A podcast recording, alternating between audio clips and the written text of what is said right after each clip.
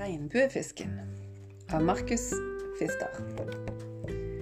Langt ute i havet bodde en fisk, men det var ingen vanlige fisk. Denne fisken var den vakreste fisken i havet.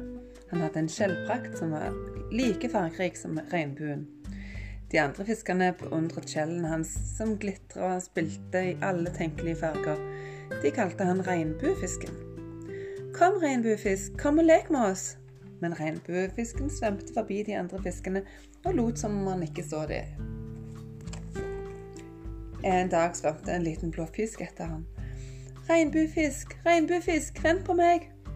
Kan du være så snill å gi meg et av dine glitrende skjell? Du har jo så mange. Hvorfor skulle jeg gi deg et av skjellene mine? Hva får deg til å tro det? Kom deg vekk herfra! Forsvinn! Forskrekka svømte den lille blå fisken vekk. Han var veldig lei seg og fortalte de andre fiskene hva som hadde hendt. Etter den dagen trakk de andre fiskene seg vekk når regnbuefisken svømte forbi. Hva skulle nå regnbuefisken bruke de glitrende skjellene sine til når ingen lenger ville beundre ham?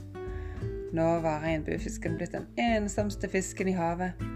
En dag klaget han til en sjøstjerne. Jeg er jo så vakker, hvorfor liker de meg ikke? I en liten hule bak korallrevet bor en hvit blekksprut som heter Ottopus. Han er klok, så kanskje han kan hjelpe deg, svarte sjøstjernen.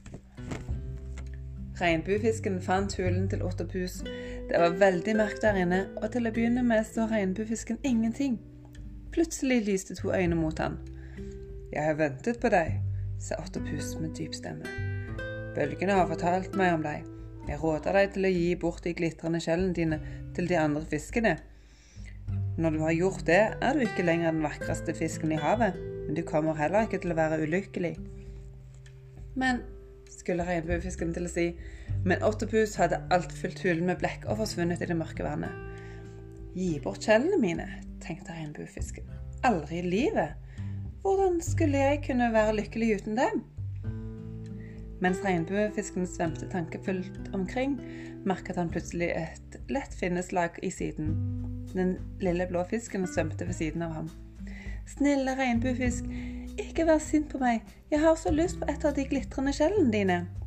Regnbuefisken nølte litt. Kanskje det ikke var så farlig med et eneste lite skjell, tenkte han. Så trakk han sorgmodig ut et av de minste skjellene sine og ga det til den lille blå fisken.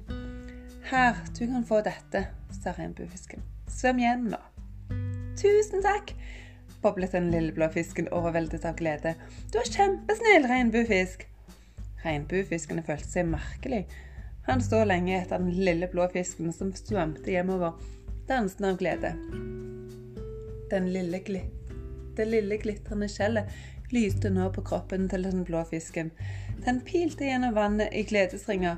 De andre fiskene så på skjellet de hadde fått.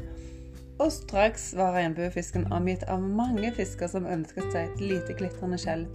Merkelig nok fordelte han glitreskjell både hit og dit. Jo flere skjell han ga bort, desto klarere følte han seg blant de andre fiskene.